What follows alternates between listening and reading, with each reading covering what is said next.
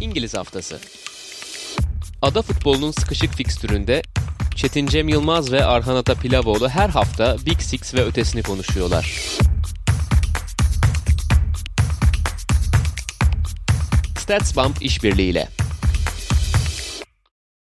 Sokrates Podcast'a hoş geldiniz. İngiliz haftasında sizlerle birlikteyiz. Ben Çetin Cem Yılmaz, Arhan Ata Pilavoğlu ile beraber Premier Lig'in milli ara öncesindeki son haftasını değerlendireceğiz. İki tane çok büyük maçın olduğu bir cumartesi günü yaşadık. Manchester City Arsenal'ı dağıttı desek yeridir. Liverpool'da Chelsea ile çok heyecan verici bir maç oynadı. Karşılaşma 1-1 bitti. O da hem tartışmalıydı hem enerjisi çok boldu falan filan. Epey keyifli bir cumartesiydi gerçekten İngilizlerin deyimiyle Super Saturday'i hakkını veren bir gün oldu. Fakat onun öncesinde Cuma günü futbol dünyasına ve Premier Lig'e öyle bir haber düştü ki öyle bir bomba geldi ki biz programı oradan açma niyetine kapıldık. Cristiano Ronaldo yuvaya döndü diyebiliriz. Öncelikle Perşembe gecesi gelen haberler Manchester City'nin bu şok transferi gerçekleştireceği yönündeydi. Herkes işte yarın sabah City Ronaldo'yu renklerine bağlayacak diyordu. Fakat Cuma günü her şey değişti ve Manchester United Cristiano Ronaldo transferini açıkladı. Çok acayip bir yaz mevsimi oluyor, transfer mevsimi oluyor değil mi Arhan? Bunları düşündüğünde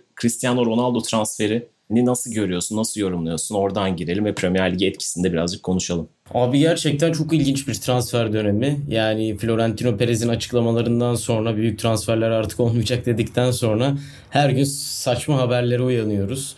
Jack Grealish zaten büyük bir transfer. Harry Kane olabilirdi çok yakındı. Daniel Levy yerine başka bir Tottenham yöneticisi olsaydı başta ya da Tottenham harici başka bir kulüpte oynuyor olsaydı Kane o da tamamdı. Messi evet belki zorunluluktan ama ya günün sonunda inanılmaz bir transfer dönemi geçirdik. E, Ronaldo da bence en ilginçlerinden birisiydi. Messi'nin ayrılığı kadar tabii ki şok etmedi. Zaten Juventus'ta çok mutlu olmadığı geçen sezonun sonundan beri konuşuluyordu ama beni burada şaşırtan nokta yani Lionel Messi ayrıldığında iki farklı ihtimali vardı. Ya Paris Saint Germain'e gidecekti ya Manchester City'ye. Birkaç gün sonra Paris Saint Germain net ihtimal oldu ve birkaç saat sonra da resmi açıklama geldi. Burada Cristiano Ronaldo Manchester United dedikoduları ortaya çıkmadan önce City vardı. Bir anda United devreye girdi ve transfer tamamlandı. Ya zaten biz de YouTube'da Emre abiyle Manchester City'ye doğru resmi olmasa da bir ihtimal üzerinden program çekmiştik. Çünkü gerçekten o sıralarda tek ihtimal Manchester City'nin kadroya katacağı yönündeydi. Ama zaten Ole Gunnar Solskjaer'in basın toplantısında yaptığı açıklama aslında sinyali verdi orada ve o basın toplantısından birkaç saat sonra da United'a transfer oldu. Bu kadar hızlı, bu kadar büyük bir transfer daha önce yapılmış mıydı? Gerçekten hatırlamıyorum. Yani böyle sanki bir futbol dünyasında, futbol evreninde değildik de bir NBA Free Agency evrenindeydik. Sanki her şey önceden hazırlanmış, tamamlanmış ve sadece o dönemin açılmasıyla birlikte tak tak tak haberlerin girdiği bir dönemdeymişiz ve Ronaldo da sanki dediğim gibi bir futbol transferi değil de bende bir wash bomb etkisi yarattı doğrusunu söylemek gerekirse gerçekten çok hızlı gelişti ve perşembe günü de bu işin ünlü duyumcular vardır Twitter'da işte Fabrizio Romano falan. Yani çoğu kişiyi de ters köşeye yatırdı. Artık şeye alışkınız. Belli başlı yine tırnak içinde duyumcular bu işin hani bu transferlerin kokusunu alan isimler genelde çok da yanılmazlar. Bu kadar ters köşeye yattıkları azdır. Ronaldo'nun City'ye transferi yarın olacak artık bu iş bitti falan filan tonunda tweetler atılırken işin bir anda dönmesi gerçekten şaşırtıcıydı. Dediğim gibi bunun çok kısa süre içerisinde gerçekleşmesi. Ki hafta boyunca konuşulanlar mesela Paris Saint Germain konuşuluyordu. Pek çok kişi için belki hani çok realist değildi. Çünkü Paris Saint Germain'in kadrosunu düşündüğümüz artık hani çok abartılı bir yıldız bolluğu var, hücumcu bolluğu var. Tabii orada Mbappe'nin de Real Madrid'de teması var falan filan. Ama bu da geçiyordu yani bu da insanların konuştuğu bir şeydi. Acaba Paris Saint Germain mi olur?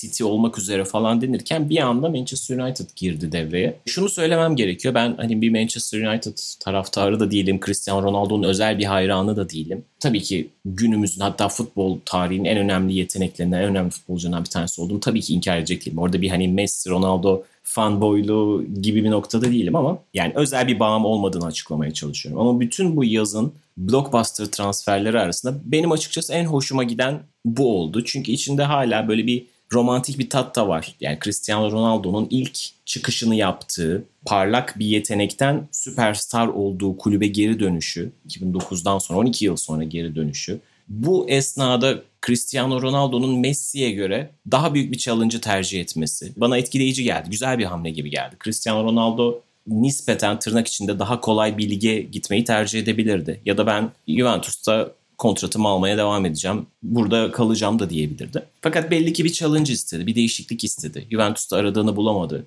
Yine tersi şekilde Manchester City'ye gitse belki çok daha başarılı olma ihtimali vardı denebilir. Gerçi ben buna %100 katılmıyorum aslında ama. Ama United'ı tercih etmesi çok daha büyük bir challenge gibi geliyor bana. 36 yaşında bir oyuncunun İtalya'dan İngiltere'ye dönüşü, bu meydan okumayı kabul etmesi bana iyi geldi. İşin hem romantik açıdan hem de Cristiano Ronaldo karakteri ve kariyeri açısından önemli bir adım olduğunu düşünüyorum bunun. Şunu da söyleyeyim. İlk Perşembe gecesi değil de Cuma sabahı ilk City mi United mı yavaş yavaş İbre United'a doğru kayarken şu düşüncedeydim ben. City için aslında çok ideal bir oyuncu olduğunu düşünmüyorum ben Ronaldo'nun. Ve Jack Grealish ile Cristiano Ronaldo'nun da hiç Pep Guardiola transferleri, Pep Guardiola oyuncuları olduğunu düşünmüyorum. Bana hala çok ilginç geliyor Grealish'in de City'de olması ki gerçi 3 hafta içerisinde yavaş yavaş takım içerisindeki yerini bulmaya başladı. Cristiano Ronaldo için de belki zaman içerisinde böyle olacaktı eğer olsaydı.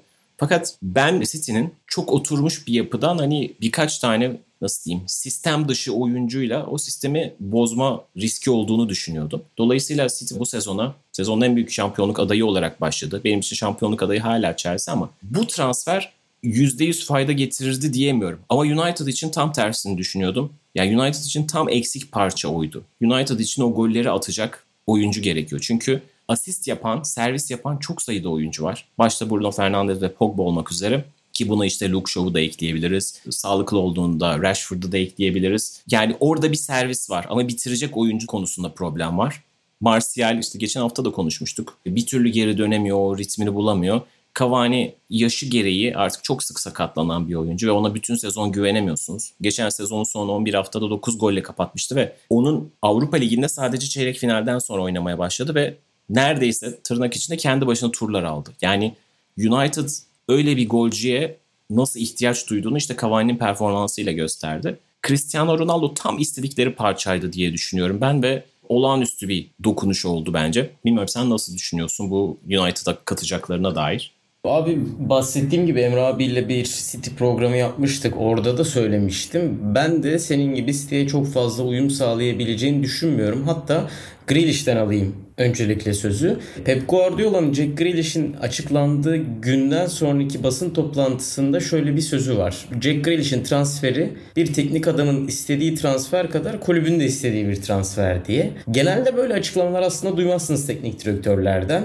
Çünkü zaten ortak bir kararla alındığı bellidir. Ama bu açıklama bence biraz kulübün bastırmasıyla Pep Guardiola'nın kendini ikna ettiği, oyuncuya ikna olduğu ve yapı içerisinde ona bir yer bulabileceğini düşündüğü bir transfer olarak değerlendirmiştim ben Jack Grealish'in transferini.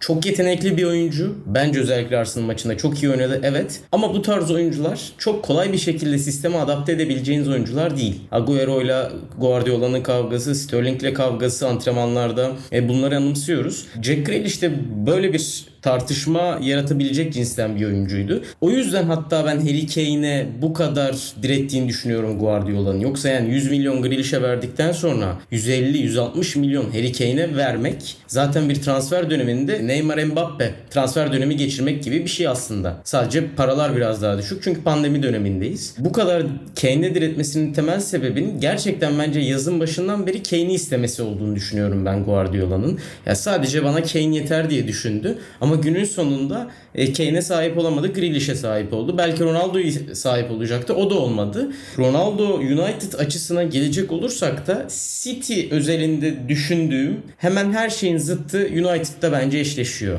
Ya City bir set oyunu takımı, topa sahip olma takımı. E, Cristiano Ronaldo kariyeri boyunca böyle takımlarda pek oynamadı. Geniş alanlarda inanılmaz etkili bir oyuncu evet. Ama dar alanlara sıkıştığında, bağlantı oyunu gerektiğinde bu meziyetleri kariyeri boyunca çok fazla sunmamış. Özellikle kariyeri ilerledikçe, yaşı ilerledikçe ceza sahası içerisinde inanılmaz bir bitirici olmuş. Ama onun dışında bir forvetten beklenen özellikleri vermekte de geride kalmış bir oyuncu oldu Cristiano Ronaldo. Manchester City'nin inanılmaz bir 20 gollük açlığı var mı tartışılır ama garanti 20 gole ihtiyacı var. Bunu da dünyada en iyi atabilecek iki oyuncudan birisi tartışmasız Ronaldo. Ama geri kalan alanlarda soru işareti yaratıyordu. United'a baktığımızda ise bence gerçek bir eşleşme var ortada. Yani Manchester United zaten geri kalan 19 takımla oynadığı maçların çoğunda topa inanılmaz fazla hükmetmeyen, hedef maçlarda topu tamamen bırakan, hedef maçlarda tamamen geçişe odaklanan bir takım. Hedef maçları özelinde konuşmaya devam edersek geniş alanları çok rahat bulabilen ve topa sahip olduğu anlarda da çok fazla topa sahip olmayan, ona hükmetmeyen daha çok ceza sahası içerisine topu taşımaya çalışan, sete çok fazla oturmayan, geçişleri çok iyi değerlendirmeye çalışan bir takım. E, az önce aslında Cristiano Ronaldo'nun City'de başarısız olabileceği noktaları düşününce Manchester United'da da gerçek bir eşleşme olduğunu görüyoruz. Yani bunu hatırlarsak Sarri ile anlaşamamasının temel sebebi Ronaldo'dan farklı beklentileri olmasıydı. Bağlantıya gelmesiydi, oyunun biraz yavaş kalmasıydı. E, Pep Guardiola takımında da bunları yaşayabilirdi aslında. Bağlantı açısından, oyunun yavaşlığı açısından Cristiano Ronaldo hızlı bir şekilde kaleye gitmeyi, hızlı bir şekilde ceza sahasına topun gelmesini istiyor. E, Manchester United'da da tamamen bu var. Belki de şu an Chelsea, Liverpool, Manchester City ve Manchester United arasında en hızlı şekilde kaleye giden takım United, en hızlı şekilde rakip ceza sahası içerisinde çoğalan takım United, en hızlı şekilde geçişleri değerlendiren takım United.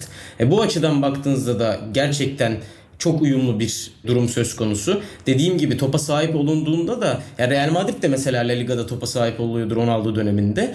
Ama %70'lerle 80'lerle topa sahip olmuyordu. Olsa dahi seti tamamen yığılan bir oyun izlemiyorduk biz. Daha çok kenar ortalarıyla, daha çok hızlı hücumlarla rakip kaleye giden takımları izliyorduk. Bu da zaten Ronaldo'nun en çok sevdiği oyunlardan birisiydi. Son olarak şunu ekleyip noktalayacağım. Manchester United'ın aslında Manchester City gibi 20 gollük bir katkı alması onları farklı bir seviyeye taşıyabilir. Çünkü takımda net garanti bir golcü var mı emin değilim. Ya evet Bruno Fernandes atıyor. Greenwood çok iyi başladı. Pogba çok iyi başladı. Rashford dönecek. Martial var. E Cavani var ama kümülatif bir şekilde baktığınızda onların içinden bir Romelu Lukaku gibi gol katkısı alabileceğiniz oyuncu var mı? Tartışılır. Harry Kane gibi garanti gol alacağınız birisi var mı? Tartışılır. Ya da Manchester City'nin geçen sene yaptığı gibi onlara yaklaşan birçok oyuncu çıkacak mı? O da tartışılır. O yüzden Cristiano Ronaldo o garanti gol katkısını da dediğim gibi dünyada verebilecek en iyi oyunculardan bir tanesi. Belki birincisi. Bu yüzden o açıdan da çok yerinde bir transfer gibi duruyor. Manchester City'de soru işaretleri vardı. Gelirse çok farklı bir hikaye olurdu. Gelirse belki şu an United'da göstereceği performansın da üstüne çıkabilirdi. Ama çok fazla soru işareti vardı. Yani getirisi götürüsünden az olabilirdi. Ama burada bence soru işaretleri çok az ve performans gösterdiğinde gerçekten United'ı farklı bir seviyeye taşıyabilir. Ya benim şampiyonluk adayım değildi kesinlikle. İlk üç adayımdı. İki ya da üçüncü olursa şaşırmazdım United ama şu an yani şampiyon olurlar mı hala çok emin değilim. Ama kesinlikle atlarını oraya yakınlaştırdılar bu transferle. Bana da öyle geliyor. Buradan hepsine bu arada %100 katılıyorum. Hem işte Manchester City'nin transferleri konusundaki yaklaşım hem de işte United'ın buna ihtiyacı var. Tam orada işte 20 gollük katkıyı düzenli olarak verebilecek birisine. Yani bunu işte istikrarlı olarak alamıyorlar. Dediğin gibi Cavani'den 12 gol alırız. Greenwood'dan 7 gol alırız. Martial 10 gol alır atarla falan filan olmuyor. Oraya gerçekten 20-25 golü getirecek bir tane oyuncuya ihtiyaç var düzenli olarak. Biraz burada Wolves maçına da bağlayayım. Çünkü Wolves maçını izlerken de tam aklımdan geçen buydu. Yani Manchester United'ın Solskjaer ile beraber yakaladığı oyun onları birkaç sezondur başarıya taşıyan, Şampiyonlar Ligi sıralamalarına götüren, lig ikinciliğine götüren, Avrupa Ligi final ve yarı finallerine götüren oyunlardan bir kısmı bunların bazıları işte topu rakibe bırakmaktan geçiyor. Ama bazıları da bugün Wolves maçında olduğu gibi rakibin bir anlık gafletini beklemeye bakıyor. Çünkü United birazcık daha e, sistem takımı değil demek istemiyorum ama mesela Liverpool gibi sürekli fiziğiyle boğan ve bir yerde bir açık arayan bir takım değil. Chelsea gibi çok kompakt olan hücumu savunmayı sürekli aynı sıkılıkta yapan bir takım değil. 90 dakika boyunca rakibe oyununu dikte eden bir Guardiola takımı da değil. United maçlarını izlerken bazen rakibin kontrolde olduğunu hissediyorsunuz. Bazen rakip çok net pozisyonlar yakalıyor falan. Ama United'ın ihtiyacı olan Bruno Fernandes'in topla yakalayacağı bir an, bir saniye. Bazen Pogba'nın yakalayacağı bir saniye. Bugün attıkları golde olduğu gibi Vara'nın bir tane pozisyonda Greenwood'u kaçırması gibi. Bu oyunda yıldızlara çok fazla bağımlılık var ve yıldızlar bu oyunda maç alıyor. Manchester United'ın şu anki en büyük silahı bu. İlk yarıda da mesela bir pozisyon vardı. Bruno Fernandes'in bir saniyelik çok hızlı bir verkaça girmesi bir anda onları pozisyona soktu. Yani Manchester United 90 dakika boyunca oyunu force eden bir takım değil ve onların gerçekten o yüzden o noktada o vuruşu yapacak oyuncuya çok ihtiyaçları var. Sezona Greenwood çok iyi başladı. 3 maçta 3 golle ve bugün Southampton maçında da gerçi puanı getiren goldü. Bugün de direkt 3 puanı getiren gol attı. Çok önemli bir başlangıç. Kaçınılmaz olarak sağ tarafa geri dönecek Ronaldo'nun gelişiyle beraber. Fakat önemli bir kazanım. Ama şu anda artık kesinlikle faktörlerden bir tanesi olmuş durumda. Bence Ronaldo'nun gelişi birazcık gol sayılarını azaltabilir ama yine oyunun içerisinde olacaktır. Çünkü çok özel bir yetenek olduğunu düşünüyorum. Yani bazı oyununda aksayan taraflar var. Çünkü bence pozisyonunu tam olarak bulamamasıyla da alakalı. Çünkü bir sağda oynuyor, bir bugün ortada oynadı falan. Ortada oynamak için gerekli hani o link up'ları, topu tutup takım arkadaşlarına oyuna katmayı falan henüz pek iyi bilmiyor ama genç bir oyuncu bunları yapacaktır. Fakat çok temiz bir vuruşu var. Topla çok hızlı hareketlenebiliyor. Bunlar da çok iyi. Benim birazcık Bruno Fernandes ile ilgili açıkçası şüphem var. Cristiano Ronaldo'nun gelişinde. Çünkü Portekiz'le ilginç bir yaz geçirdi Bruno Fernandes. Yani benim Avrupa Şampiyonası'ndaki en büyük hayal kırıklığımdı. Çünkü oyuncu olarak demiyorum Portekiz en büyük hayal kırıklığımdı. Çünkü ilk kez Gerçi ilk kez demek abartı olacak çünkü bir önceki Portekiz jenerasyonunda da yıldızlar vardı ama Cristiano Ronaldo'nun yanına onun kadar iyi bir sezon geçirmiş, onun kadar formda, onun kadar neredeyse onun kadar yıldız bir oyuncu geliyordu ilk kez ve gerçekten hiçbir şekilde kendini gösteremedi. Acaba Manchester United'da Fernando Santos'un yapamadığını yapabilecek mi diyorum Solskjaer. Çünkü artık frikiklerde topun başında olmayacak. Belki penaltılarda da topun başında olmayacak. Çünkü gerçekten ciddi anlamda onun abisi burada. Acaba bu rolde takımın ikinci oyuncusu olmayı nasıl kaldıracak Bruno Fernandes? Bence bu ilginç bir soru olacak gibi. Diğer taraftan ben zaten bütün söylediklerimizin hep arkasındayım. United'da çok iyi bir transfer olduğunu düşünüyorum. Ha, hafta sonu izlediğimiz maçlarla beraber benim kafamda şampiyonluk düğümü biraz daha karıştı ve bu transferlerden sonra. Ben Chelsea konusunda bayağı nettim. Şu anda dört takımın birbiriyle çok çok yakın olduğunu ve bu ligi enteresan farkların hani çok ufak farkların belirleyeceğini düşünmeye başladım. Neyse buradan Wolves maçına dair yorumu varsa sana top aldım. Ben biraz fazla karıştırdım konuyu. Bruno Fernandes noktasını bence çok iyi açtın. Çünkü Fernandes özellikle Wolves maçında da gördük bunu. Çok serbest oynayabilen bir oyuncu. Yani Wolves maçında Greenwood evet zaman zaman kenara gelerek top aldı. Zaman zaman kenardan derine indi. Ama zaman zaman şu görüntüyü de gördük neredeyse bir 4-4-2 var özellikle savunmada. Topu aldığında da United gerçekten çift forvet gibi o üçlü savunma hattının bazen sağına kayıyor Fernandez bazen soluna kayıyor ve o hatlar arasında çok fazla girip çıkma işlemini gerçekleştiriyor. Bu Cristiano Ronaldo'nun gelişiyle birlikte senin Euro 2020 örneğinde verdiğin gibi kesinlikle Portekiz'in en kayıp oyuncusuydu açık ara. Burada bence tek suçlu kendisi değildi. Santos da ona doğru bir yer bulamadı. Jota, Bernardo Silva, Ronaldo, Bruno Fernandes ya sağa gidiyordu Bernardo Silva ile çakışıyordu. Sola gidiyordu. Jota ile çakışıyordu. Ama ne olursa olsun Solskjaer ona çok doğru bir yapı çizse dahi Cristiano Ronaldo'nun gelişi muhtemelen onun gol sayılarında biraz düşüşe neden olacak. Ya sadece bunu penaltı, frikik, duran top özelinde söylemiyorum. Akan oyunda da onun girip çıkmaları farklı bir noktaya evrilebilir. Ama e, gelmesini en çok isteyen oyunculardan birisiymiş zaten Bruno Fernandes. Çok da konuşmuşlar transfer sürecinde. E, bu kadar istekliyken Solskjaer gibi de eldeki malzemeyi iyi kullanan bir teknik adamla birlikte farklı bir şeyler çıkabilir. O yüzden birkaç maç kesinlikle görmek lazım ama benim de aklıma gelen ilk soru işaretlerinden biri e, Bruno Fernandes'in formuydu. Maç özeline gelecek olursak da aslında sen yine güzel bir pencere açtın orada abi. Maçta bence 90 dakika boyunca yapmak istediklerini sahaya yansıtan taraf Wolverhampton'dı. Yani Manchester United'ın klasik bir bir şekilde kazandı maçını izledik ve benim burada sana da sormak istiyorum. Maçı izlerken aklıma şöyle bir soru geldi. Ya Manchester City mesela kötü oynayarak bir maç kazanabiliyor mu? Şöyle bir düşündüm. Gerçekten çok çarpıcı bir maç aklıma gelmedi. Ya Manchester City mesela kaybettiği maçlara bakalım gerçekten kötü oynuyor. Gerçekten sahaya istediklerini yansıtamıyor.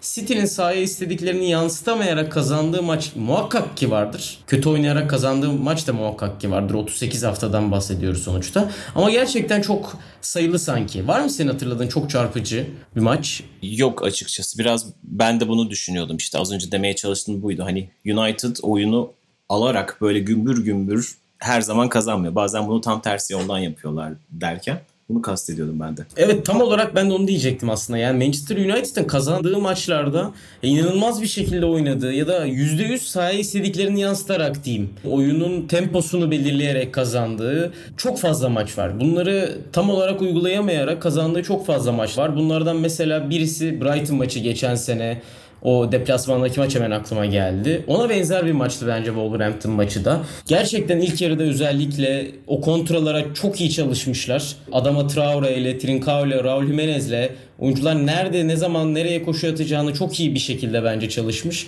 Onların meyvesini alamadılar. Zaten o anlarda bu tarz maçlarda topa sahip olamayan takımların bir şekilde gol atması lazım ki sonrasında rahat bir şekilde maça devam edebilsinler. Sonrasında fizik güçlerini sahaya yansıtmaya devam edebilsinler. Bu olmadı ve United geçen sezondan beri alıştığımız United bir şekilde dediğin gibi rakibin eksiğini yakaladı ve Greenwood'un çok güzel bir gol. Ya Agüero'nun biz uzak direğe şutlarını hatırlıyoruz ama onunkiler biraz daha yerden değil yukarıdan olurdu. E, Greenwood'un da hem Leeds maçında hem şimdi ve ikisi de ters ayak o da çok önemli bir detay. Uzak direğe yakından bu şutları çok can alıcı olmaya başladı. Gerçekten geçen sezonun başlarında biraz soru işaretleri çıkmıştı ama bu sezon başlangıcı inanılmaz iyi oldu. Maç özelinde de dediğim gibi yani bir de şunu da ekleyeyim. Sayıs ile birlikte çok fazla mücadele etmesine rağmen yaptı bunu. Ne zaman derine inse Sayıs da onunla birlikte indi. Kenarlarda Sayıs ile birebir eşleşti. Ona rağmen o fizik kaliteye rağmen ayakta kalıp golünü son dakikalarda atması çok çok değerli Mason Greenwood açısından. Ve United noktasına gelecek olursak da ya bu mesela bir sıfırdan sanki 2-1'e çevirmişler gibi. Ya bir Southampton maçını izledik sanki geçen hafta. Yine Southampton aslında belli anlarda sahaya istediğini yansıtan taraftı. Belli anlarda pozisyon buldular. Geçen hafta United daha çok pozisyon bulmuştu bu haftaya göre ama yine de benzer bir maç vardı ortada. Dediğim gibi sanki bir sıfır geriye düştüler de o klasik geri dönüşlerini yapmışlar gibi hissettim. Çünkü mesela David De Gea'nın çıkardığı inanılmaz bir top var ceza sahası içerisinden. Wolverhampton çok geldi, çok denedi e, ama golü bulamadı. Fakat hani hep klasikleşmiş bir cümledir. O şampiyonluk alameti galibiyetlerden birisini de almayı başardı Manchester United. Evet işte United'ın genlerinde olan şeylerden bir tanesi bu açıkçası. Hani bunu Şampiyonlar Ligi'ndeki o hiç unutamadığım iki sezon önceki Paris Saint Germain maçında yapmışlardı. O 180 dakikanın belki 175'ini domine eden bir Paris Saint Germain vardı. Fakat United her zaman böyle tünellerden çıkmayı başarabilen hani genlerinde olan bir kulüp bu. Hani arada bir konuşuruz ya Liverpool'un Anfield'daki unutulmaz geri dönüşleri falan. United'ın da hep böyledir. Hep Fergie time olarak da bilinir o son dakika golleri ama işte kulübün genlerinde olan şeylerden bir tanesi bu. Ve o yüzden bir de Sancho için belki çok parlak bir gün değildi ama yine olacaktır etkisini daha çok hissettirdiği maçlar olacaktır. Varan çok iyi başladı Manchester United kariyerine. E bir de Cristiano Ronaldo'yu da görünce gerçekten bunlar şampiyonluk ekleme parçaları. Çok ciddi bir irade beyanı var ortada. United'ın yarışta olacağı konusunda ikimiz de aynı fikirdeyiz, sen fikiriz. Cumartesi sahneye çıkan diğer şampiyonluk adaylarına da buradan girelim yavaştan. Liverpool-Chelsea maçını konuşalım. Çok yüksek tempoda oynanan çok keyifli bir maçtı. Özellikle ilk yarısı çok acayipti. Yani hani iki tarafa da çok gidip gelen bir maçtı. Bir kırmızı kart ve penaltı maçı biraz daha tek taraflı hale getirdi. Bu bir gerçek. Liverpool o baskıdan gol çıkaramadı. Chelsea çok sağlam durdu. Yani 10 kişiyle 11 kişi arasında bu kadar az performans farkı gösteren takım da azdır yani ama Chelsea o kadar sağlam bir ünite ki geçilmediler. Bütün maç özelinde ama sana şöyle sorayım. Bu maç senin şampiyonluk yarışına dair sana bir şeyler söyledim ya da maça dair konuşalım istersen sonra şampiyonluk tarafına geçelim. Çünkü bana açıkçası birazcık şampiyonluk konusundaki fikirlerimi etkileyen günlerden bir tanesi oldu cumartesi. Şampiyonluk açısından beni etkiledi mi? Maç öncesinde kesinlikle bu maç o maç tarzında düşünüyordum. Maç sonunda da şunu düşündüm. Kesinlikle Liverpool'da, Chelsea'de, Manchester United'da artık transferle birlikte Manchester City'de sonuna kadar götürecek diye düşündüm. Ama sonra biraz sakince düşününce Liverpool'un set hücumunu çözmesi gerektiğini düşünüyorum. Yani özellikle ikinci yarıda 10 kişi Chelsea'ye karşı daha güçlü bir Liverpool görebilirdik. Enfield'da, taraftarının önünde, yani tam tersi durumda Liverpool 10 kişi kalmışken dahi çok daha farklı şeyler sunabilen Jurgen Klopp oyunları izlemiştik. Eksik kaldı. Norwich maçı çok kuvvetli değildi. Benzer bir şekilde aslında orada bireysel yetenekten doğan bir sıfır sonrası açılan bir oyun vardı. Bu Chelsea'ye karşı da çok iyi oynamadılar. İlk yarı planları biraz daha farklıydı ama ikinci yarıda benim soru işaretim biraz daha ortaya çıktı. Chelsea açısından bakınca da uzun vadede şampiyonluk açısından konuşuyorum. Şunu gördüm ben. Bu takımı yenmek gerçekten kolay değil. Yani 10 kişi de kalsa 11 kişi de zaten çok zor. Bunu başarabilmiş takım sayısı gerçekten çok az. Özellikle bu tarz hedef maçlarda, bu tarz akıbeti çok önemli maçlarda başarabilmiş takım çok az. Herhalde yavaş yavaş düşünüyorum. Bu takımı yenebilmenin en sağlam yolu topu bırakıp Chelsea'ye ya da topa sahip oluyorsanız da çok fazla sete oturmadan çok fazla kendi yarı sahanızda pas yapmadan çünkü kaptırılan toplarla da çok hızlılar. İkinci bölgeden üçüncü geçişleri çok hızlı. Onları bir şekilde geçişte hazırlıksız yakalamanız gerekiyor diye düşünüyorum. Ya uzun vadede iki takım açısından Liverpool'un set hücumu aklıma takıldı. Uzun vadede bunu kesinlikle çözmeleri lazım. Chelsea açısından bakınca da bu takımı bir şekilde alt etmek hiç kolay değil gibi gözüküyor. İki taraftan çıkarımlarım bunlar oldu uzun vade açısından. Katılıyorum Liverpool açısından. Liverpool'un set hücumu konusundaki hastalığı diyelim o eksikleri kendisini gerçekten geçen sezondan beri gösteriyor. Hatta daha önce de gösteriyordu ama Liverpool bunları çok güçlü bir oyunla işte rakibini 90 dakika boyunca hırpalayarak sonucu almayı başarıyordu. Şu anda hala Liverpool'un çözemediği taraf evet Salah hala bir faktör fakat Mane ile Firmino eskisi kadar faktör değil. Firmino'nun hatta herhalde hafif bir sakatlığı oldu. O yüzden işte hafif mi ağır mı onu da bilmiyorum bu arada. Daha resmi bir açıklama yapılmadı. Devre bitmeden oyundan çıkmak zorunda kaldı. Mane ise gerçekten yani bir buçuk sezondur çok formsuz. Hani onun o ilk dokunuşlarındaki hantallığı görebiliyorsunuz. Mane'nin çok özel bir ilk dokunuşu ve hız alışı ve sonra rakibine ekarte edişi vardır.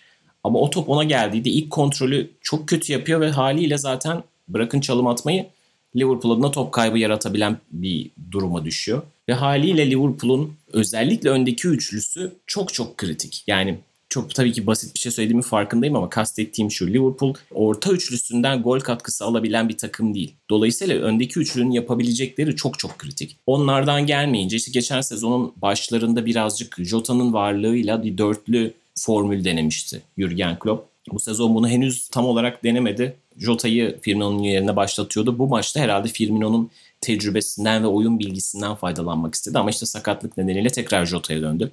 Belki Firmino sağlam kalsaydı ikinci yarıda bu dörtlüyü aynı anda oyunda görebilirdik. Çünkü rakip de eksikken bu eksikliği değerlendirmenin bir yolu olabilirdi. Fakat evet Liverpool'un bu baskıdan gol çıkartamaması biraz soru işareti. E şöyle bir şey de var açıkçası. Liverpool'un hani avukatlığını şeytanın avukatlığı anlamında yapmak gerekirse Liverpool aslında pek çok metrikte ilk yarıda ne gösterdiyse ikinci yarıda da onu göstermiş. Şut anlamında da topa sahip olma anlamında da. Fakat ilk yarıdaki bazı pozisyonlar daha net. Bunun da biraz sebebi oyunun daha çok iki kalede oynanması. Çok daha end to end oynanıyordu. İki kaleye çok iyi gidiyordu top. Ve Liverpool'un mesela hep kazandığı Manchester City maçlarını hatırlarsak o maçlar da öyle olurdu. Liverpool'un istediği tip maçlar aslında bunlar. Rakip de gelsin biz de gelelim. Sonra o zaten açık alanda oyun oynandığında kolay kolay Liverpool'un atletizmiyle gücüyle baş edebilecek takım çok fazla yok Avrupa'da. Bu azdır yani. Liverpool'u daha çok nasıl takımlar durduruyor? İşte Atletico Madrid gibiler daha çok durduruyor. Manchester United maçları çok daha zorlu geçiyor mesela Manchester City maçlarından. Geçen sezonu bir kenara bırakırsak. Liverpool United'ın oyununa cevap vermekte daha çok zorlanıyor. Biraz da bu sebepten Chelsea ile özellikle bu maçın ilk yarısında baş döndüren bir tempo vardı. İki kaleye de top gittiği için. Haliyle ikinci yarıda birazcık daha tek kalede oynandı. Yine de bu anlamda Liverpool'un ben birazcık daha 2018-19 çizgisine yakın olduğunu gördüm. Van Dijk ve Matip şu an için sağlam görünüyorlar. Liverpool için bence en büyük soru işareti buydu bu sezona başlarken. Van Dijk ne kadar iyi dönecek diye. İyi görünüyor Van Dijk.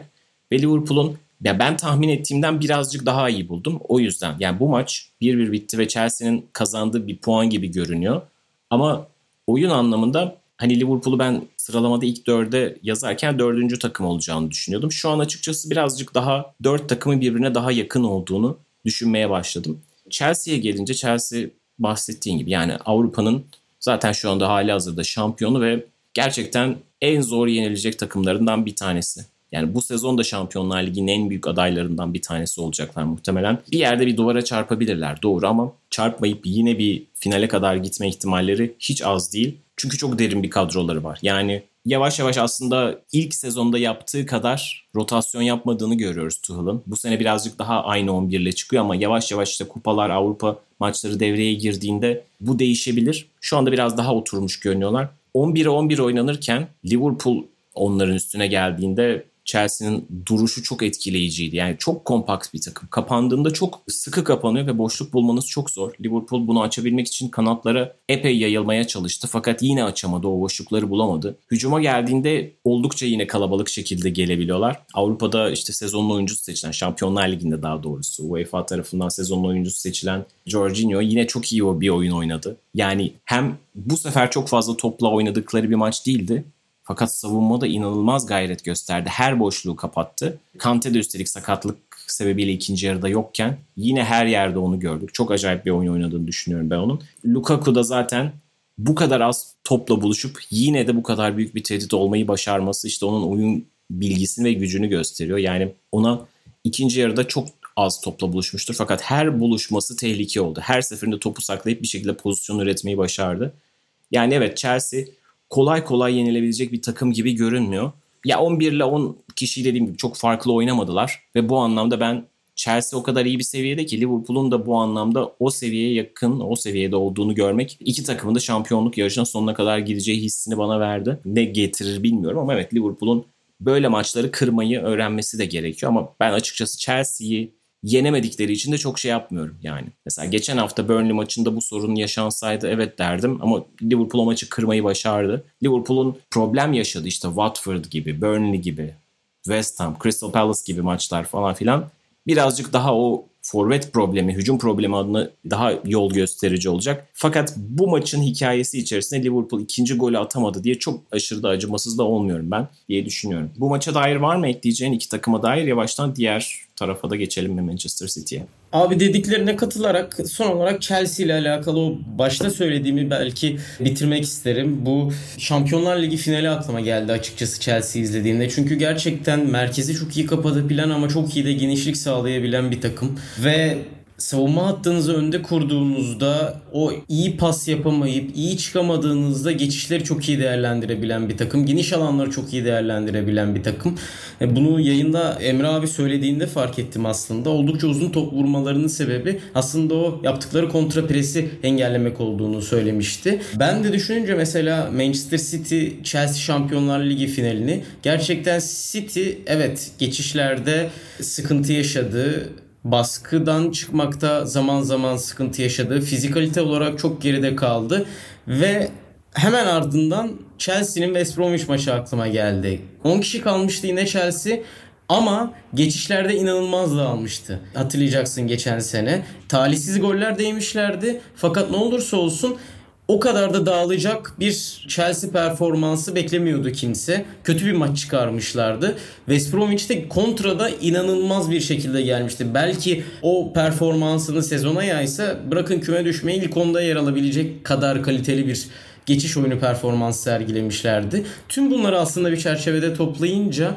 Chelsea'ye karşı topa çok fazla hükmetmeyip tıpkı Manchester City Paris Saint Germain eşleşmesinin ikinci maçında olduğu gibi biraz daha topu rakibe bırakarak biraz daha %50'lere %52'lere inmeye çalışarak Chelsea'nin topa sahip olmasını sağlayıp oradan kazanılan toplarla hızlı hücumlarla Chelsea'ye saldırabilmek ya aslında onların kendi silahı da bu bir bakıma baktığınızda hiçbir maça hedef maça çok fazla topa sahip olarak çıkmıyorlar. Liverpool'un Mart'taki maçını hatırlayalım. Timo Werner'le öldürmüşlerdi. Bunu Thomas Tuchel zaten basın toplantısında kendisi söylemişti. Belki bu sisteme geçilerek ve belki bunu üçlü oynayarak yapmaya çalışarak Chelsea'yi yenmek o açıdan bence mümkün olabilir gibi geliyor bana. Dediğim gibi West Bromwich'te o kırılganlıklarını gördük.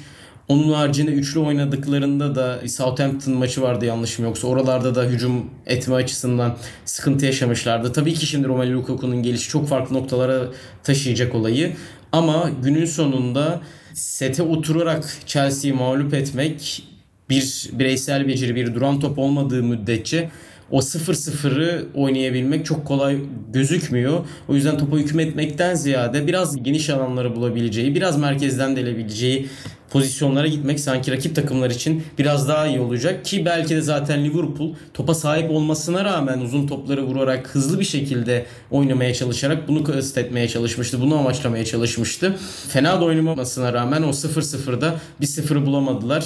Havertz'in pozisyonu. İşte futbol o kadar dengeleri değişken bir oyun ki iyi oynadığınız sandığınızda bir anda geri düşebiliyorsunuz ve günün sonunda sizin hakkınızda kötü söyleniyor. Ama ana planınız doğru bir ana plan olabiliyor. Ama dediğim gibi neticede Chelsea'ye karşı Liverpool'un oynadığına benzer ya da Manchester City'nin Paris Saint Germain deplasmanında oynadığına benzer şekilde bir şeyler denemek, o eşleşmedeki oyuna benzer şeyler denemek Chelsea'yi uzun vadede yıpratabilir sanki. Evet aynı gün oynanan daha erken oynanan maçta da Manchester City Arsenal'ı darmadağın etti. Yani Arsenal geçen hafta çok konuşmuştuk ve bu maça dair pek de ümidimiz yoktu açıkçası Arsenal adına. Ama açıkçası beklenenden de silik hiçbir reaksiyon veremeyen bir Arsenal vardı. Tabii ki bunu sadece Arsenal tarafından okumak doğru olmaz. Çünkü Manchester City yani Norwich'i ne yaptıysa sanki Arsenal da aynısını yaptı. Hatta iki maçın istatistik kağıtlarını falan şöyle yan yana koyduğunuzda topla oynama sayıları, işte toplam şut iki takımın da toplam yani Arsenal da bir şut atabilmişti. Norwich de bir şut atabildi Manchester City'ye. Önce City tarafından bakalım. City ilk hafta yenildikten sonra 10 gol, 0 yediği gol, 2 tane yediği şut. Olağanüstü bir geri dönüş yaşadılar. Morallerinde yeniden yükseldiği bir dönem oldu. City tarafını sana bırakayım. Sonra biraz daha ben yine Arsenal gömme kısmında sazı elime alırım. Nasıl buldum Manchester City'yi? Manchester City evet krizden çıktı diyebiliriz. Yani kriz var mıydı bilmiyorum ama problemli dönemden sanki çıktı gibi görünüyor. Ne dersin? Yani şöyle bakınca aslında ilk 3 haftada Tottenham, Arsenal, Manchester City'nin 9 puanla çıkabileceği bir fikstür. Ama geçen sezon başlangıcında olduğu gibi 9 değil 4 puanla 3 puanla çıkabileceği bir fikstür aynı zamanda. O fikstürden 6 puanla çıkmak Chelsea Liverpool berabere kalmışken United geçen hafta berabere kalmışken e, milli takım arasında bir puan fark arayla girmek daha ligin çok başlangıcı olmasına rağmen puan tablosunu açıp baktığınızda hoşunuza gidecek bir şey. O yüzden bence de bir kriz yoktu ama hoşlarına gitmiştir bu galibiyet. Böyle ezici bir galibiyet almak daha da hoşlarına gitmiştir. Aslında ben de bu maçı biraz Arsenal üzerinden okuyacaktım. Çünkü Manchester City klasik bir Manchester City oyununu oynadığı iç sahada Etihad'da görmeye alışkın olduğumuz oyunlardan birisiydi. Ama Arsenal bazı bölgelerde, bazı anlarda o kadar Manchester City'ye oynama şansı verdi ki Manchester City sanki sen 3. haftada değiliz de 23. haftada takım tamamen hazır, tamamen oturmuş bir şekilde oynuyor edasıyla bu maçı tamamladı. O yüzden ben sana pası aslında Arsenal'ın oyun yapısıyla biraz atayım. Yani sene başından beri bu takım 3 maç oynadılar evet ama bir pres oyunu oynamaya çalışıyor. En azından maçların ilk 10-15 dakikasında bunu yapmaya çalışıyorlar. Bunu Chelsea maçında da gördük. Manchester City maçında da aynısını gördük. Fakat o kadar bu pres oyunu kopuk ki takımlar merkezden hücuma, ikinci bölgeden üçüncü bölgeye çok rahat bir şekilde geçiyorlar. Ve Arsenal'ın hücumcularının yaptığı pres boşa düşüyor. Çünkü merkez çok rahatta, çok boşta. Ve e, orta saha çok rahat geçildiği için stoperler devreye giriyor. Stoperler devreye girince stoperlerin boşalttığı alanlar bir sorun teşkil etmeye başlıyor. Örneğin burada ilk gol örneğini vereyim. Merkezde bir boşluk vardı. Chambers o boşluğu kapatmaya gitti. Üçlü savunmanın sağında oynayan Chambers Hatta yanlışım yoksa İlkay'a basıyor hatta. Sağ stoperde bir boşluk oluştu. Top sağ kanada geçti. Cesus'a geldi. Orada iyi bir kontrol olabilseydi ya da iyi bir pas gelebilseydi zaten o gol daha erken atılacaktı. Çünkü inanılmaz büyük bir boşluk vardı. Ne sağ kanat peki orayı kapatmaya geliyor ne de takım dörtlüye dönüyor. Ya burada bile inanılmaz bir sorun var aslında. Dört tane oyuncu var ama hala beşli savunma düzenine göre dizilmişler. Ya sağ stoper boş ama orada kaymayı yapmıyorlar. Çok ilginç bir durum. Zaten orta geldi. Chambers o kadar uzun bir mesafeyi kat ettikten sonra belki de fiziksel yorgunlukla istediği kadar zıplayamadı. Çünkü çok yakınından geçiyor top kafasının. E, İlkay topla buluştu ve kafa vuruşuyla golü yaptı. Bu tarz çok fazla bence Arsenal'da sorun var. Chelsea maçında da böyleydi bu. Basmak istediler ama top bir anda Lukaku ile buluştu ikinci bölgeden üçüncü bölgeye geçişte. Merkez bu pres gücüne ya da pres yoğunluğuna sahip değil. Ama işin kötüsü Manchester City'nin de mesela merkezine bakarsınız Kevin De Bruyne, Bernardo Silva, Rodri'yi görürsünüz. Baktığınızda bu üç oyuncudan inanılmaz büyük bir pres gücü alamayacağınızı hayal edebilirsiniz. Her ne kadar Bernardo Silva inanılmaz eforlu bir oyuncu olsa da. Fakat çok tekniktir bu oyuncular. Zaten Liverpool'la Manchester City'yi ayıran noktalardan birisi de budur. Arsenal'ın orta sahası ne inanılmaz teknik ne inanılmaz yoğun. Yapı da bu oyuncuları biraz daha teknik de yapamıyor, biraz daha yoğun da yapamıyor. Ya öyle bir yapı kurarsınız ki dediğim gibi Kevin De Bruyne de 4-4-2'de forvet gibi basar. Bernardo Silva kilometre rekorları kırar. Öyle bir yapı kurarsınız ki Wijnaldum bir 10 numara gibi oynar vesaire vesaire. Arsenal'da bu yok. Bu da zaten en büyük sıkıntılardan birisi bence. Bir de sanırım 3. ya da 4. goldeydi. Yine merkez o kadar rahat bir şekilde boşaltıldı ki o prese yazık oldu. Doğal sayılarda birazdan geliriz.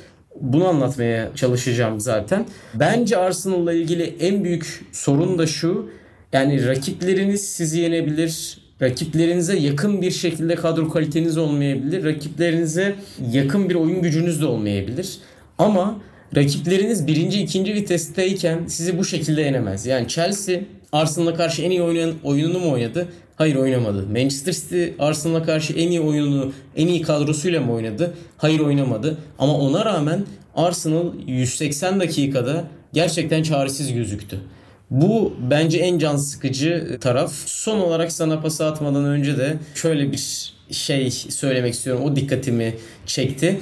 E, Zinchenko ikinci yarıda oyuna girdikten sonra bir şeyler denedi sanırım Pep Guardiola. Genelde Zinchenko ligin ve Şampiyonlar Ligi'nin ikinci yarısında Dortmund Paris Saint Germain eşleşmelerinde kanadı tek başına kullanan oyuncuydu. Ki normalde merkezde konumlanır. Kanatlar Pep Guardiola takımlarında açılır ve bekler ya merkezde ya stoperde kalır. Zinchenko da o orta sahaya gelen sahte bek açısından en çok tanıdığımız oyunculardan birisi. 47. dakikada Pep Guardiola kenardan Jack Grealish'e biraz kızdı.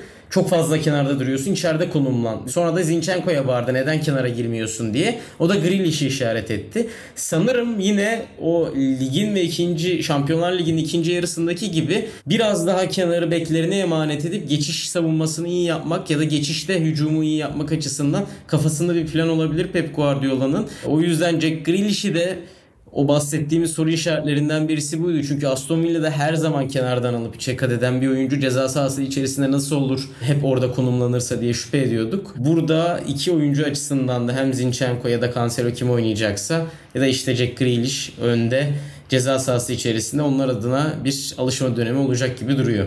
Evet Arsenal adına aslında sen çok yere temas ettin. Yani hepsine katılıyorum. Yani Manchester City tabii ki bu ligin en iyi takımı en rahat galibiyet alan, en çok yıllardır, senelerdir en rahat gole ulaşan takım. Yani Manchester City bir gün yakalayıp 4-5 gol atar. Liverpool'a da 4 gol attı. Chelsea'ye de bir önceki sene Conte'nin Chelsea'sine 6 gol mü atmışlardı? Ya da Sardi'nin pardon düzeltiyorum. Yani bunu yapabilen bir takım Manchester City. Özelinde aynı. Ama bu kadar eforsuz bir şekilde bu farkı attırmak, buna izin vermek gerçekten çok kabul edilebilir değil. Ve Arsenal işte lige 4'te başladı bu maçta üçlüye döndü ya da beşliye döndü diyebiliriz. Ama bu işte çok acayip bir beşli çünkü 5 oyuncunun 4'ü bek kökenli. Sadece holding genel olarak. Şimdi iki tane sol bek var. Tierney ve Kolasinac. İki tane sağ bek var. Chambers ve Cedric Suarez. Böyle bir kafa karışıklığı bence ta kenardan başlamış ve sahadaki kimse de ne yaptığının farkında değildi. Golleri tekrar izlediğinizde hiçbir derinlik yok. Kimin kimi kovalayacağı belli değil. Gerçekten bir kaos var. Bu seviyede kolay kolay görmediğimiz bir kaostan bahsediyorum ben. Olur tabii ki dizilişler değişir. Bunlar kitap değil. Ama Arteta işte sezona 4'te başlayıp sonra bu maçta dizilişini değiştirerek bence hani böyle bütün tuşlara basmaya başlarsınız ya oyunda öyle bir ruh halinde gibi geliyor bana. Ve dediğin gibi fark da yersiniz, 5 gol de yersiniz ama kendi hani direkt rakibiniz değil tamam doğru ama puan alma hayaliyle sahaya çıktığınız bir maçta tek şutla tamamlamanın bir açıklaması olamaz. Yani çünkü Arsenal'ın hücuma dair bir planı yok. Hücumu nasıl yapacağına dair bir fikri, bir hayali de yok. Kesinlikle kadroya baktığınız anda evet bu takım bir şey yapabilir dedirtmiyor. Hani belki işte Saka'nın hani delişmenliğiyle ki o da bu sezona pek iyi başlamadı. Zor bir yaz geçirdi. Belki alakalı olabilir, alakasız olabilir. Spekülasyon yapıyor olabilirim ama hani belki Saka bir şey yaratır da bir şekilde Aubameyang'ı bulur ve Aubameyang bir şeyler yaratır. Bütün aklımıza gelebilecek şey bu. 11 tane oyuncu içerisinde. Hani belki tamam Ödegaard ya da Smith Rowe da bir şeyler yapabilir ama tüm Arsenal'ın hikayesi birkaç oyuncunun bir şeyler yapabilir üzerine kuruluysa gerçekten oradan da hayırlı bir iş çıkmaz gibi. Doğal sayılarda pası atmadan önce çok ufak bir şey de yapacağım. Hani geçen hafta Arsenal'ın kadro kuruluşuna dair de eleştirilerimiz olmuştu. Şimdi Arsenal bu yaz Manchester United'ın harcadığı para kadar harcamış durumda. Yani onlar Sancho'yu, Varane'ı ve Cristiano Ronaldo'yu aldı. Arsenal'ın aldığı en iyi oyuncu Ödegaard. Diğer taraftan işte Ben White, Ramsdale gibi parçalar da aldılar. Bu biraz takımın statüsüyle de alakalı. Yani gerçekten bunu mesela Liverpool çok yaşadı.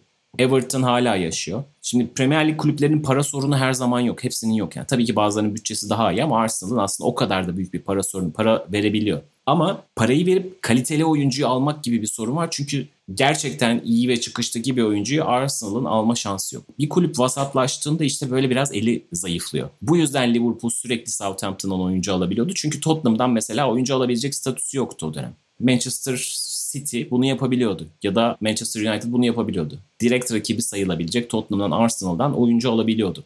Everton bu yüzden işte ligin parlayan oyuncularını alabiliyor ya da işte ilk altıdan düşmüş oyuncuları alabiliyor.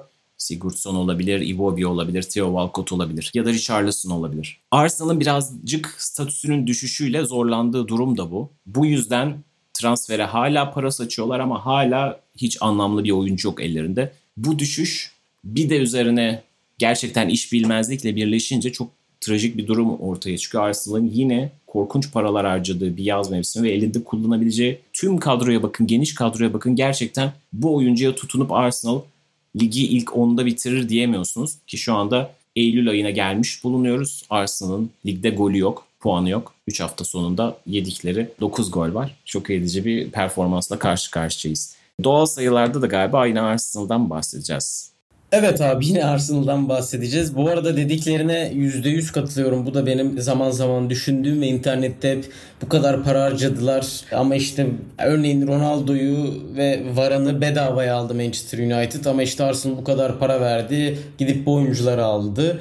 Nasıl bir transfer anlayışıdır bu? Aslında sorunun cevabı kendi içerisinde. Yani bedavaya United'a bu oyuncular geliyor yani Varan sözleşmesi bitmiş bir oyuncu sizi tercih edebiliyor. Ama Arsenal'ın sözleşmesi bitmiş bir oyuncu şu an Arsenal'a gitmek ister mi? Elit bir seviyede. Kim ister? elit seviyeyi geçiyorum. Potansiyeli yüksek bir oyuncu da gitmek istemez. Çünkü görüyor zaten olan biteni orada. Neden kendini oraya adasın? Böyle bir soru işareti de var. O yüzden dediğin çok doğru. Aslında tavanı belli artık Arsenal'ın. Bu yüzden de bir yenilenme sürecine kesinlikle girmeleri gerekiyor sağ içi değil sağ dışında da bir şeylerin değişmesi gerekiyor ki yenilenme süreci başlasın. Doğal sayılar. Doğal sayılara hemen geçeyim. Statsbomb'dan aldığım veriyi paylaşacağım. Aslında e, Manchester City maçı özelinde söylediğim şeyle alakalı. 124 pres aksiyonuna girmiş Arsenal bu hafta sonu. Cumartesi günü oynanan maçlar arasında da bu ortalamanın hemen altındaki takım. Leicester'dan, Crystal Palace'dan, Chelsea'den, Aston Villa'dan, Southampton'dan, Liverpool'dan, West Ham United'dan ve Manchester City'den daha fazla pres aksiyonuna girmişler. Bu üçüncü bölgede yaptıkları pres anlamına gelmiyor. Sahanın her bölgesinde yaptıkları pres aksiyonu bu. Ve pres aksiyonlarından yalnızca 4 top kazanabilmişler. Bu benim gördüğüm en dramatik farklardan birisi. Çünkü genelde bu fark %20'lerde, %30 bandında olur. Arsenal'da %10'dan da çok az. %5'ten de az. İnanılmaz bir durum. Bu örnek vermek gerekirse örneğin Newcastle United 178 pres aksiyonundan 32 kere top kazanmış. Norwich City 174'ten 29 kazanmış ama Arsenal 124 pres aksiyondan yalnızca 4 kere top kazanabilmiş. Lig ortalaması hafta sonu özelinde konuşuyorum. 140'ta 25. Bütün 3 haftalık sürece bakacak olursak da lig ortalaması yine 140'ta 25. Mesela Leeds United 187'de 41. 120 aksiyondan yalnızca 4 top kazanabilmek aslında o merkezin, o hücum oyuncularının ne kadar kırılgan olduğuna bence güzel bir örnek. Ne kadar ikinci bölgeden üçüncü bölgeye takımların rahat bir şekilde oyunu, oyuncuları aktarabildiğine güzel bir örnek ve bu kadar kötü sonuçlar, bu kadar kötü veriler varken elde buna diretmesi Mikel Arteta'nın da dediğin gibi biraz her şeyi yapma isteğiyle de doğru orantılı sanki. Cidden şok edici bir rakam. 4 yani bu kadar pres yapıp bunun karşılığında hiçbir sonuç alamamak. Milli ara genelde hocaların değişimi için uygun zamandır. Acaba hani Arsenal'ın bu direktörü Edu'ydu galiba değil mi? İşte Arteta ile yolları ayıracak mı? Bu yani ayırırlarsa şaşırmam ama açıkçası öyle çok bir bilgi de gelmiyor. Fakat Arsenal tarihinin en kötü bir başlangıcını yapmış durumda. Dolayısıyla yani dinleyenlerimiz bunu dinlerken Arteta dönemi kapanmış da olabilir. Fakat kapanmamışsa bile bu milli arada çok çok ciddi bir şekilde bir takımına el atması, dokunuşunu yapması gerekiyor. Çünkü gerçekten hani artık saat çalışıyor diyebiliriz. Günlerin köpüğü Programın son bölümünde günlerin köpüğünde birazcık kendimi tekrar edeceğim. Geçen hafta Burnley'den bahsetmiştim. Yine Burnley'den bahsedeceğim. Fakat Burnley geleneksel İngiliz kulübü çizgisine en çok uyan takımlardan bir tanesi olduğu için böyle enteresan gelişmelerle karşımızda olabiliyor. Bu hafta Maxwell Cornet'i açıkladılar. Lyon'dan özellikle son yıllarda Manchester City karşısındaki maçlarıyla da İngiliz futboluna kendini epey tanıtmış bir oyuncuydu. İyi bir transfer ama Burnley için de enteresan bir transfer. Zira spor yazarı Colin Miller'ın tweetlediği bir bilgiyi oradan nakledeceğim. Burnley'nin tarihinde sadece bugüne kadar 3 tane oyuncu İngiliz futbolu ve İrlanda futbolu dışından hiç oynamadan gelmiş. Yani yabancı futbolcuları çok çok az imzalayan bir kulüp. Ada dışından da neredeyse hiç transfer yapmayan bir kulüp. Sadece 3 tane oyuncudan bahsediyorum. Sonuncusu da yıllar önceden Belçikalı Steven Defour'du. Cornet'in gelmesi şüphesiz enteresan ve bir yandan da Burnley'de hafif bir tarz değişikliğine gidişi de simgeliyor olabilir. Çünkü şu anki Burnley takımında da sadece Cornet dışında 4 tane yabancı vardı. Bir tanesi Yeni Zelandalı Chris Wood, Matej Vidra, Eric Peters ve Johan Berg Gudmundsson. Yani 5. yabancıları oldu İngiltere ve İrlandalı oyuncuları kenara bırakırsak Burnley geçtiğimiz aylarda el değiştirdi ve bir Amerikan grubu ALK Capital Group Burnley'i satın aldı. Şu anda kulüpte ciddi bir değişiklik var. Kulübün pek çok yerinde mevki değişimleri var. İşte futbol direktörü pozisyonuna birisi getirilecek ama şu anda boş. Hani iletişim departmanına birileri gelecek boş. Pek çok noktada bir kaos var ve gerçekten yapısal anlamda sıfırdan yeniden kuruyorlar düzeni. Bu anlamda Premier Lig'in son yıllardaki simge isimlerinden bir tanesi olan Sean Dyche kulübü hala tutan en önemli figürü. Hani şu anda hala bu kulübün çimentosu gibi görünüyor. Fakat önümüzdeki dönemde daha fazla işte yabancı oyuncunun geldiği daha farklı bir yapıyı görebiliriz Burnley'de. Enteresan olacak. Hep konuşuyoruz Burnley'nin futbolu işte 70'lerin 80'lerin İngiliz futboluna en çok referans yapan en fiziksel kulüplerden bir tanesi. Hatta geçen haftaki Liverpool maçında o fizikselliğin dozunu biraz arttırdıkları için Klopp tarafından eleştirilmişti de benzer şekilde hemen Klopp'a da İngiliz basından eleştiriler geldi. Bu onların tarzı diyerek. Şüphesiz Premier Lig'in renklerinden bir tanesi Burnley ve yeni gittikleri yolda enteresan olacak. Bu yüzden bundan bahsetmek istedim. Bu arada abi aslında geçen hafta konuşmuştuk Burnley'nin 1'den 11'e kadar forma numaralarıyla ilgili. Maxwell Cornet'in de 9. profesyonel sezonunda giyeceği 7. farklı forma numarası olmuş. Sezon başına neredeyse bir forma numarası değiştirecek kadar fazla forma numarası değiştirmeyi seven birisi. O açıdan da ben de transferi ilk gördüğümde çok şaşırmıştım. Burnley yapısına bakalım nasıl adapte olacak. Aslında formayı imza töreninde de görmüşsündür mutlaka. Yanlış taraftan öpmüş. Umbro'yu göstermiş. Onunla ilgili de birkaç meme çıkmıştı. E, merakla bekliyorum Burnley adaptasyonunu. Evet özellikle işte City maçlarında City'ye 4 gol atmıştı galiba karşılaşmanın ve çok güzel goller atmıştı. Zaten o Lyon Manchester City eşleşmeleri çok keyif veren dönemlerdi. Bakalım Premier Lig'e neler katacak ve Burnley'e neler katacak Korne. Bizi dinlediğiniz için çok teşekkür ederiz. Biz de Premier Lig gibi milli araya gireceğiz. Bir haftalık bir aradan sonra tekrar geri dönüş haftasında yine çok sağlam bir fikstürle karşınızda olacağız. Tekrar görüşmek üzere. Hoşçakalın. Hoşçakalın.